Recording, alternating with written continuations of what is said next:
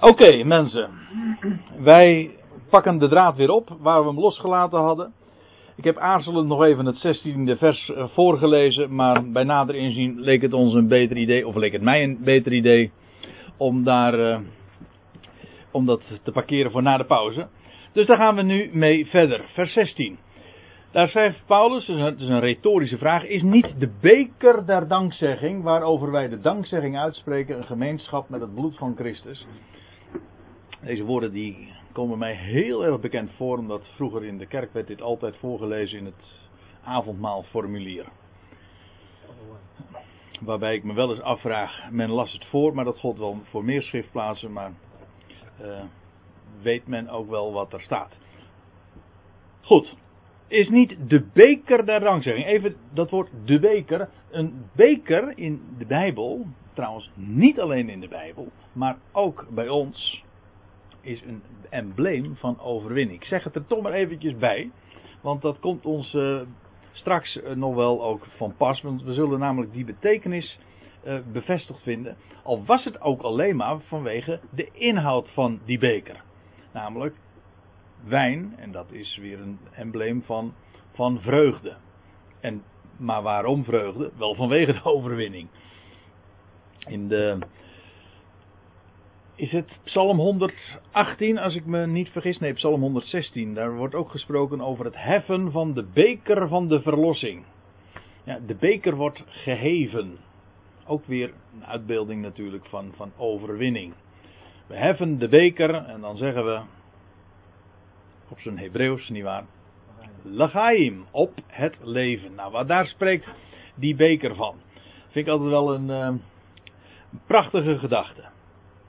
En, maar dan staat er nog iets bij.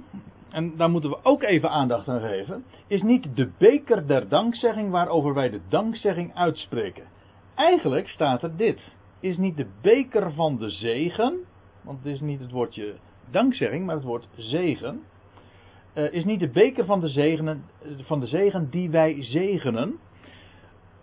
Ik had het net even over het formulier. Uh, het, het, kan ook zijn dat dat ook weer ontleend is aan de Statenvertaling. Maar dat er gesproken wordt over de beker der dankzegging die wij dankzeggend zegenen. Staat het er zo? Ja? De drinkbeker de dankzegging die wij dankzeggende zegenen. Ja, precies. Hoor. Ja. Nou, wat ik eigenlijk nu wil zeggen is dat het daar inderdaad op neerkomt. Dat klopt, want dankzeggen is namelijk zegenen. Dat klopt. Of, of anders gezegd, zegenen is dankzeggen. Dus die associatie eh, klopt helemaal. Ik zal u het ook eh, op verschillende manieren aantonen. Maar even de puntjes op de i zettend moeten we gewoon vaststellen dat hij hier niet het woordje voor dankzegging gebruikt, maar het woord voor zegenen. De beker, de cup van de zegen die wij zegenen.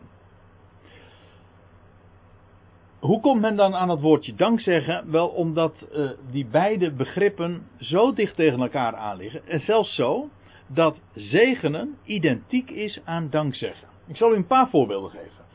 In de eerste plaats 1 Korinthe 14 vers 16. Dus we hoeven maar een paar, een paar hoofdstukken door te bladeren. En dan lees je dit. Dus het gaat me even nu niet om de context, maar even puur om dit ene specifieke gegeven. Want anders, schrijft Paulus, indien gij een zegen uitspreekt met uw geest, hoe zal iemand die als toehoorder aanwezig is, op uw dankzegging zijn amen spreken? Hé, hey, dat is eigenaardig. Iemand spreekt een zegen uit en vervolgens wordt dat een dankzegging genoemd. En dat klopt helemaal, want hier wordt het woord voor zegen gebruikt.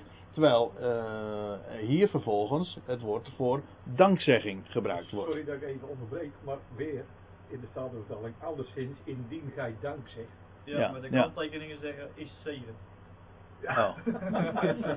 ja, nou, daar zie je dus dan zie je dus ook dat, dat je niet blind moet varen, ook op de Statenvertaling. Dat geldt voor elke vertaling. Het is altijd goed om, als je bijbelstudie doet in ieder geval, dan pakken we de loop erbij. En als het even kan, hoe staat het precies in de grondtekst? En er is geen twijfel over mogelijk. Er staat dus inderdaad, dus NPG-vertaling is hier dus correct.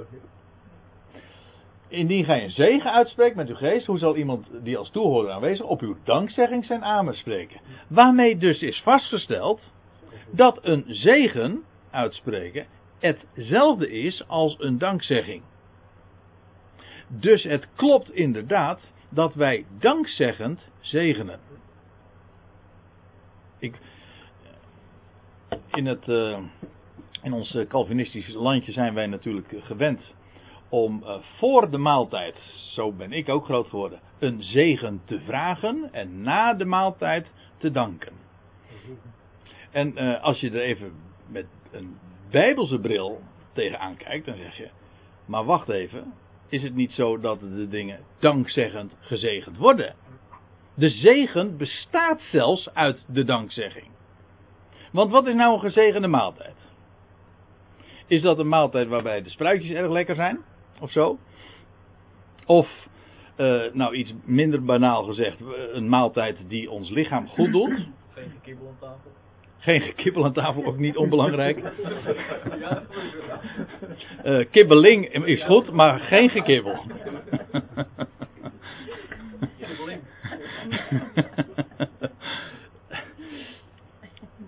nee, maar de, een gezegende maaltijd, maar dat geldt, dat kun je uitbreiden. Dat geldt niet alleen voor de maaltijd. Wat is nou, waaruit bestaat de zegen? Je, je, zeggen, we vragen om een zegen. Dat is geen bijbelse gedachte. De Bijbelse gedachte is: je dankt voor de dingen en dat is de zegen. En dan kan alles een zegen worden. Een gezegende voetbalwedstrijd is niet een wedstrijd waarbij je wint, maar het is een wedstrijd waarvoor je dank zegt. Om maar wat te doen. Waarom niet? En Paulus zegt: doet alles, uh, dat is uh, ditzelfde hoofdstuk trouwens nog, doet alles ter ere Gods, dankt hem in alles. Natuurlijk, alles, alles, alles een geschenk is, dan danken we hem toch voor alles. En juist daarin bestaat de zegen. En dan kan zelfs ziekte een zegen zijn. Omgekeerd kan gezondheid geen zegen zijn. Waar hangt dat dan van af?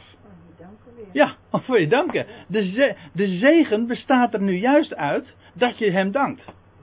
En als je hem niet dankt, dan is het geen zegen. En dan, kun, dan kan dus gezondheid geen zegen zijn, omdat je hem domweg er niet voor dankt. En daarentegen kan ziekte een zegen zijn. Namelijk omdat je hem dankt, hij plaatst het, hij maakt alle dingen wel. En dat je je ogen naar hem gericht hebt. En dan wordt alles een zegen. Dus, nou, misschien een wat uh, rare beeldspraak vindt u, hoewel als je er even over doordenkt, weer niet. Dan wordt het haast een toverstaf. Alles wat je aanraakt met dankzegging wordt een zegen. Alles. Alles wordt, de dingen, alles wordt dankzeggend gezegend. Niet omdat je vraagt, Heer, wilt u dat zegenen? Eigenlijk belemmer je daarmee zelfs de zegen. De zegen is nu juist dat je hem dankt. Niet iets vraagt, alsof je het moet krijgen. Het punt is juist, je hebt het en dus dank je hem ervoor. En dat is de zegen. Ik zal u nog een voorbeeld geven. Marcus 6, vers 41, dat is een, uh, de geschiedenis van de spijziging van de 5000 of de 4000. Dat blijf ik. Nee, van de 5000, nou weet ik het.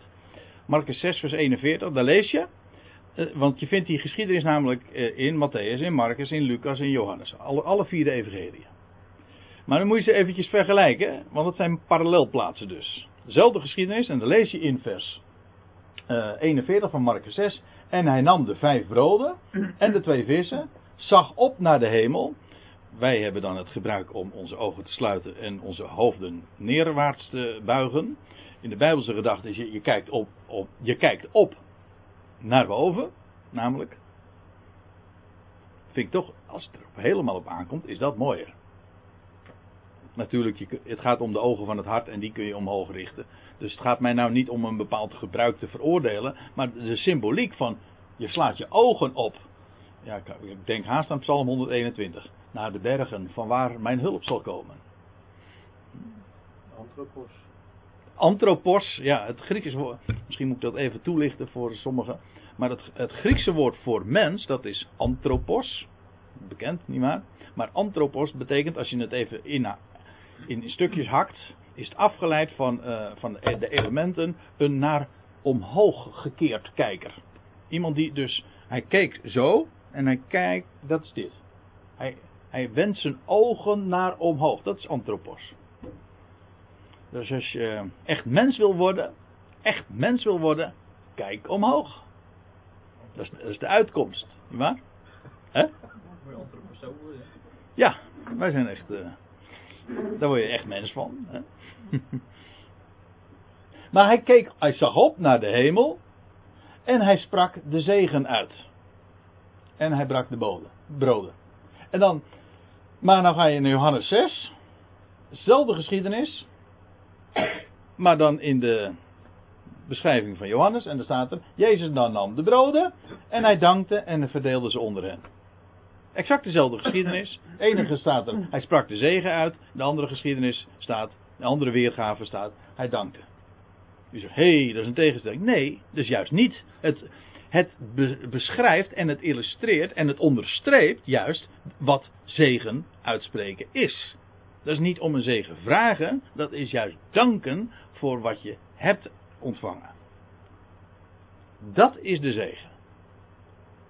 En het prachtige daarvan is dat daarmee, met dat geheim, maar dat heeft dus ook weer alles te maken, alles grijpt in elkaar, met het besef van genade. Want dit woord, uh, kijk, dit woord, oh, ik wou zeggen, dat moet ik even wegklikken, maar dat zit in het plaatje zelf. Maar dit woord dankzegging, dat is in het Grieks het woordje ui charis. Maar ui charis, ui dat betekent goed of wel. En charis dat is genade. Dus eigenlijk is het goede genade. Dat is danken. Kijk, bij ons komt dat er niet zo uh, uit de verf. Maar in het Grieks is dankzegging en genade direct aan elkaar gekoppeld. Wat is dankzegging? Dat is besef van genade. Hoe, hoe kun je leven uit genade? Wat is leven uit genade? Of in welke mate leef je uit genade? Dat heeft te maken met de mate waarin je hem dank zegt. Hoeveel genade is er in je leven? Dat, heeft, dat is evenredig met de mate waarin je hem dank zegt. Het is namelijk alles genade, maar besef je dat?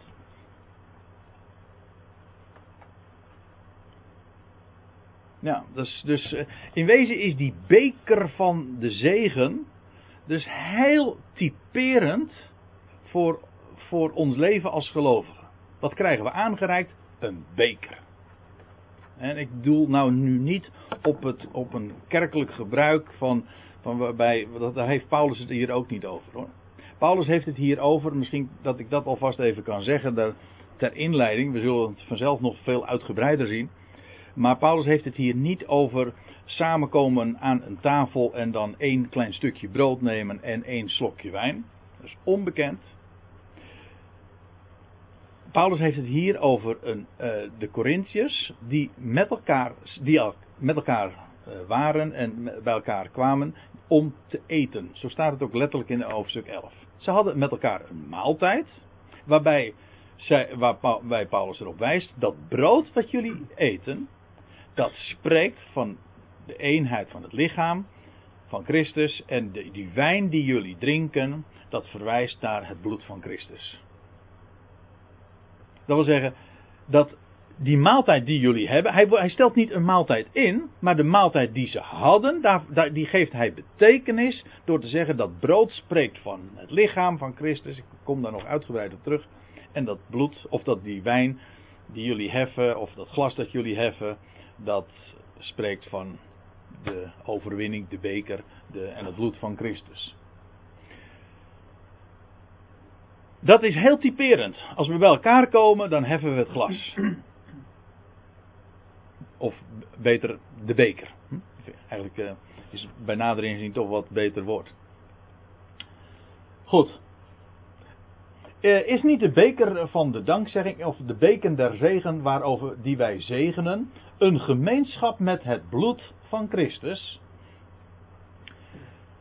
nou denk je bij, bij bloed misschien, dat, zo is het mij eigenlijk ook altijd wel ooit uh, voorgehouden, maar ik moet er toch een aantekening bij maken. Uh, bij bloed denk je, en op zich is de associatie heel logisch, aan sterven. Maar het bijbelse beeld is dat, je, uh, dat bloed verwijst naar een slachtoffer. Dat is ongeveer hetzelfde, maar u, u moet zich realiseren dat bloed. Ja, ja, bloed verwijst naar een slachtoffer. Waarbij het woord slachtoffer, uh, dat kun je figuurlijk opvatten. Zoals uh, een slachtoffer in het verkeer. Maar uh, het woord slachtoffer is, verwijst feitelijk natuurlijk naar de, de offerdienst. Waar een dier geslacht wordt. Is dat het offer? Nee. Dat is de voorwaarde voor het offer. Het moet, wordt geslacht.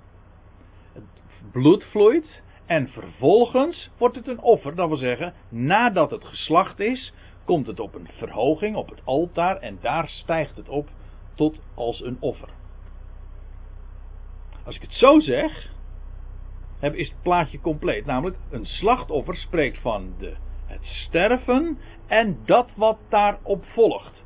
En als ik het zo ook formuleer, is in ene keer duidelijk, zeker in het licht van Goede Vrijdag of van het, van, van het kruis van Golgotha en, en de opstanding van Christus. Het verwijst naar de dood en de opstanding van Christus.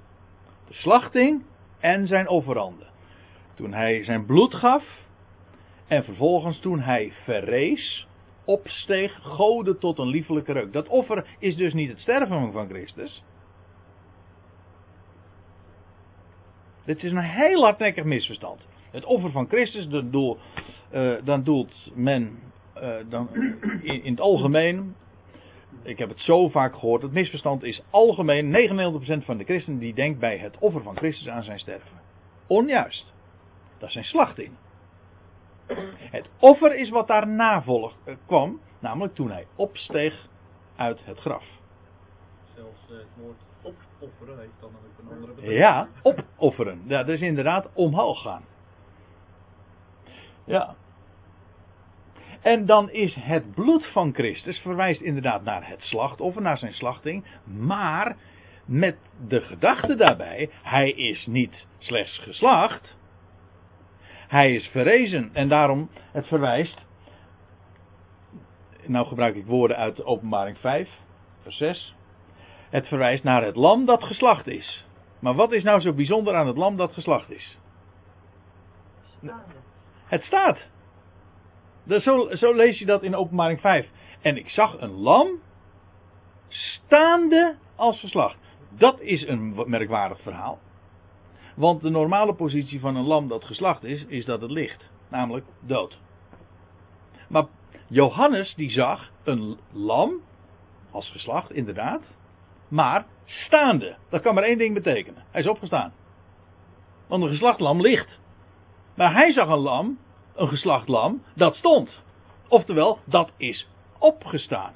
Dus dat bloed verwijst inderdaad naar het slachtoffer, maar dan in de complete zin van het woord, namelijk naar het lam dat geslacht is en is opgestaan.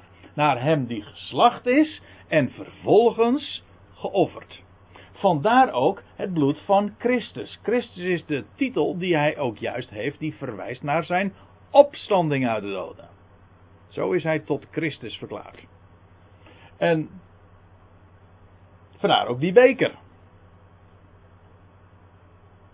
Dus wij, dat, dat, en vandaar, nou, nou zou ik nog, uh, nog iets erbij zeggen, want uh, ik vergeet nou haast nog erbij te vermelden, dat er in die beker wijn zit.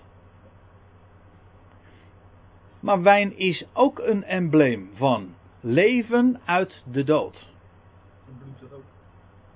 Hè? Bloed staat voor leven. En bloed staat, in wezen, staat ook voor leven. Namelijk het leven dat voortkomt uit zijn dood. Ja, bloed is ook leven. Trouwens, uh, dat heb ik ooit al geleerd. Uh, ik geef met enige regelmaat ga ik naar de bloedbank toe. En dan hangen altijd van die grote affiches. Bloed geven is leven geven. Ja. Dus uh, van alle kanten word je er toch mee geconfronteerd. Dat het spreekt van leven. En in dit geval, het bloed spreekt van het leven dat voortkomt uit zijn dood. Hoe staat het dan in Genesis over dat eh, het, bloed niet nuttigen? Want, eh, De ziel? Nee. Dat is, dat is Leviticus 17, vers 11. Ja. Daar staat trouwens de ziel. De, er staat niet het woord leven. Is, is dat ook eh, is dat correct vertaald, die ziel? Is dat Ja, is dat ja, leven? staat echt nefesh. Ja.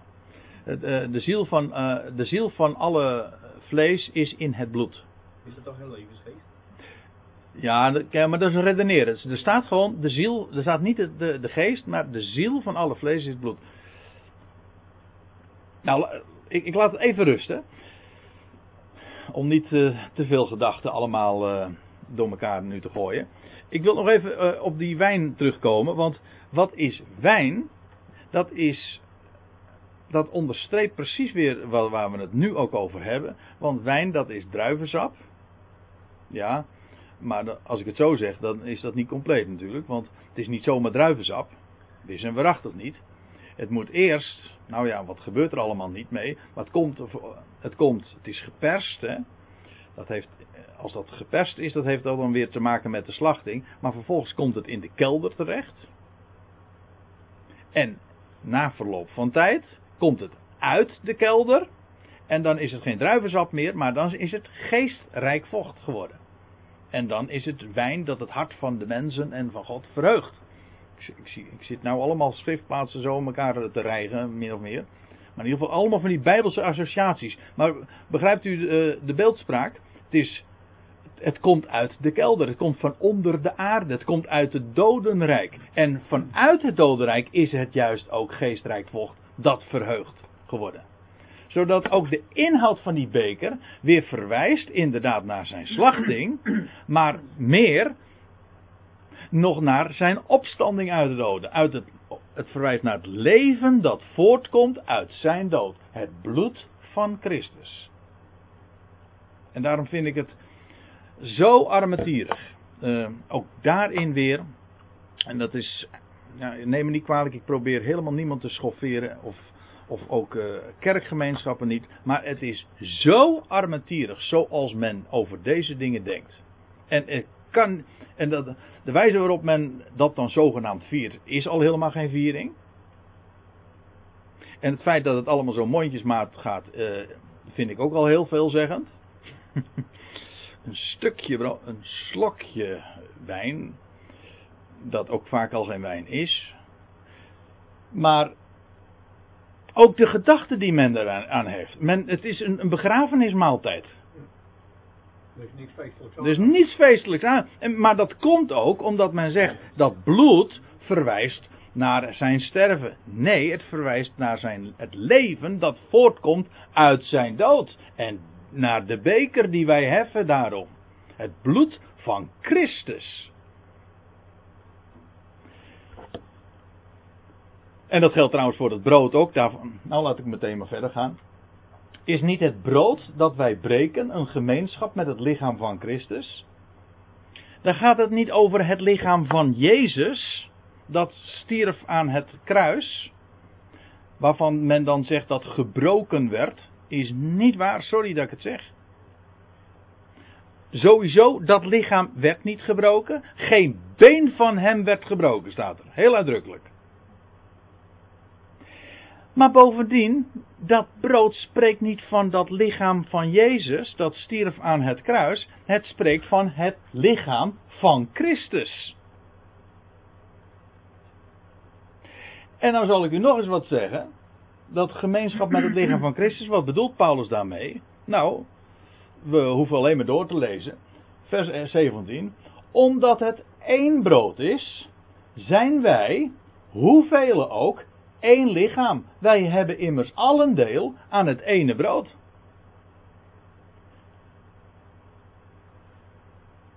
Dat ene brood spreekt van dat ene lichaam waartoe wij als gelovigen behoren. Het lichaam van Christus is de Ecclesia. En als Paulus, maar nou loop ik wel vooruit op wat we bij in hoofdstuk 11 nog zullen gaan bespreken. Maar als Paulus verwijst naar de nacht dat de Heer Jezus werd overgeleverd. En dan zegt, hij, dan zegt de Heer Jezus ook van dat brood, dit is mijn lichaam. Dan zou je normaal gesproken zeggen, nou dat verwijst dus naar het lichaam van Jezus. Ja, maar Paulus wist meer.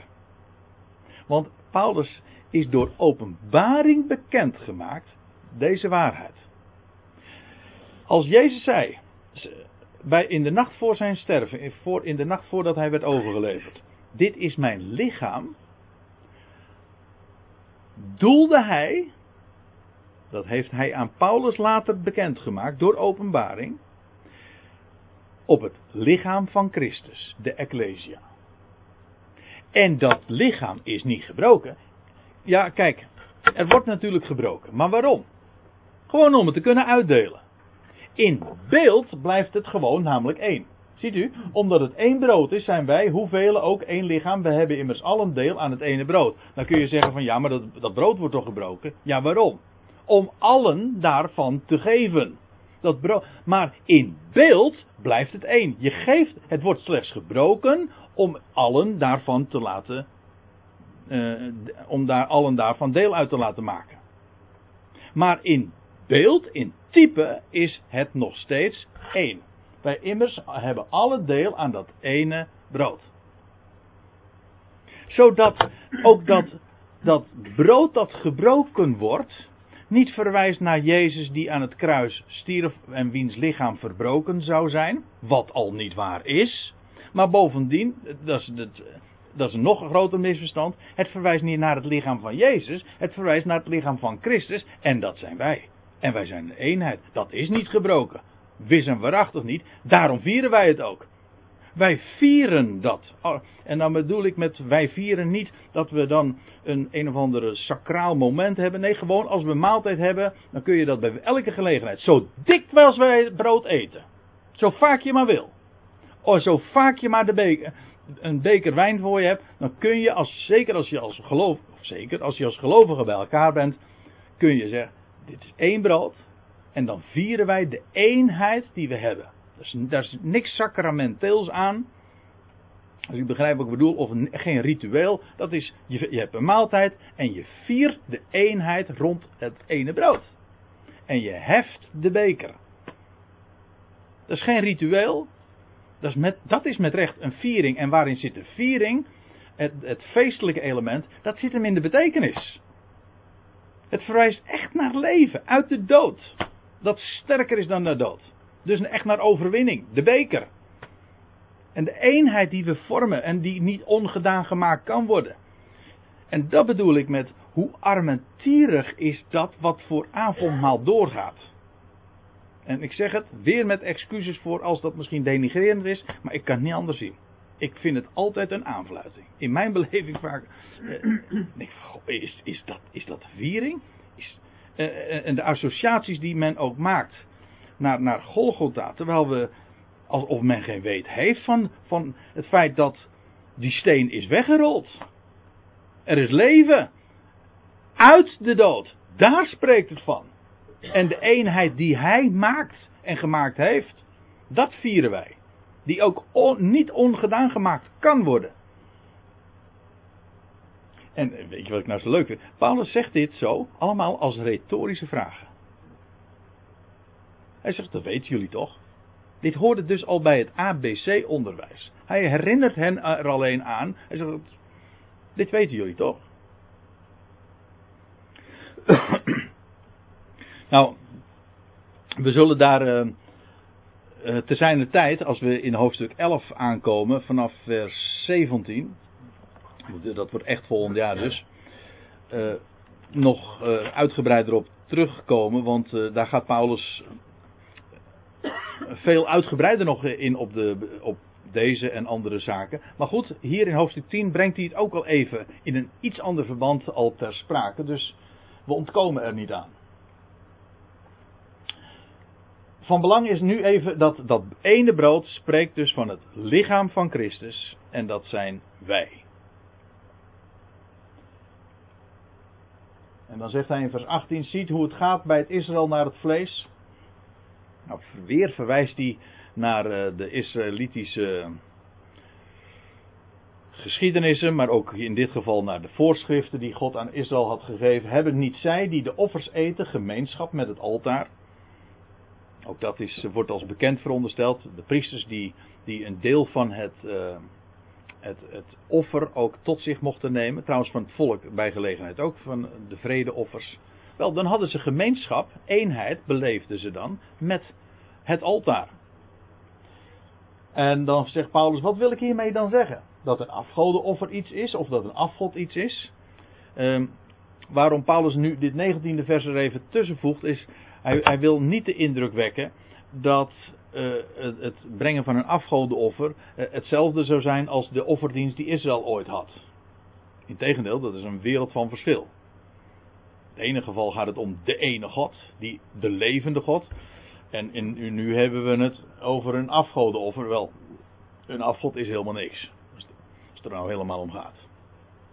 Zo zegt hij het ook. Wat wil ik hiermee dan zeggen? Dat een afgod, afgodenoffer iets is, of dat een afgod iets is?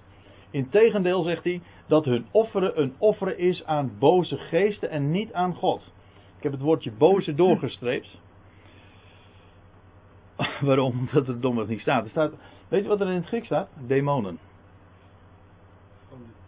Hè? Of niet helemaal. Nou, ja en nee. Het, nou, het staat gewoon het woordje uh, demonen.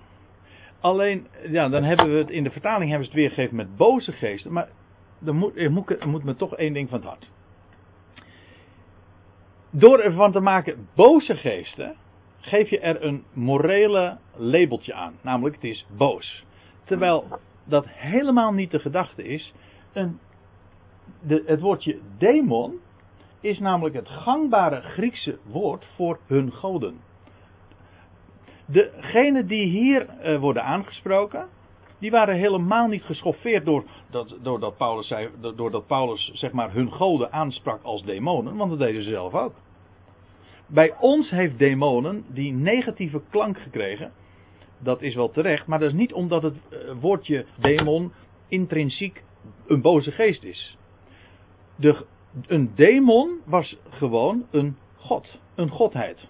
Of dat nou Zeus, of dat ze nou Jupiter, weet ik veel wat, hoe ze allemaal hebben geheten. Ze hadden een heel pantheon van allemaal goden. Maar dat waren allemaal demonen. En als je, ik, ik verwijs hier naar Handelingen 17 en daar, daar moet ik het dan maar even bij, laten. Dan moeten we de volgende keer maar de draad daar weer oppakken. Maar even nog eh, naar Handelingen 17 vers 18. Nou, misschien kunnen we hem even opslaan. Ik heb hem niet op de,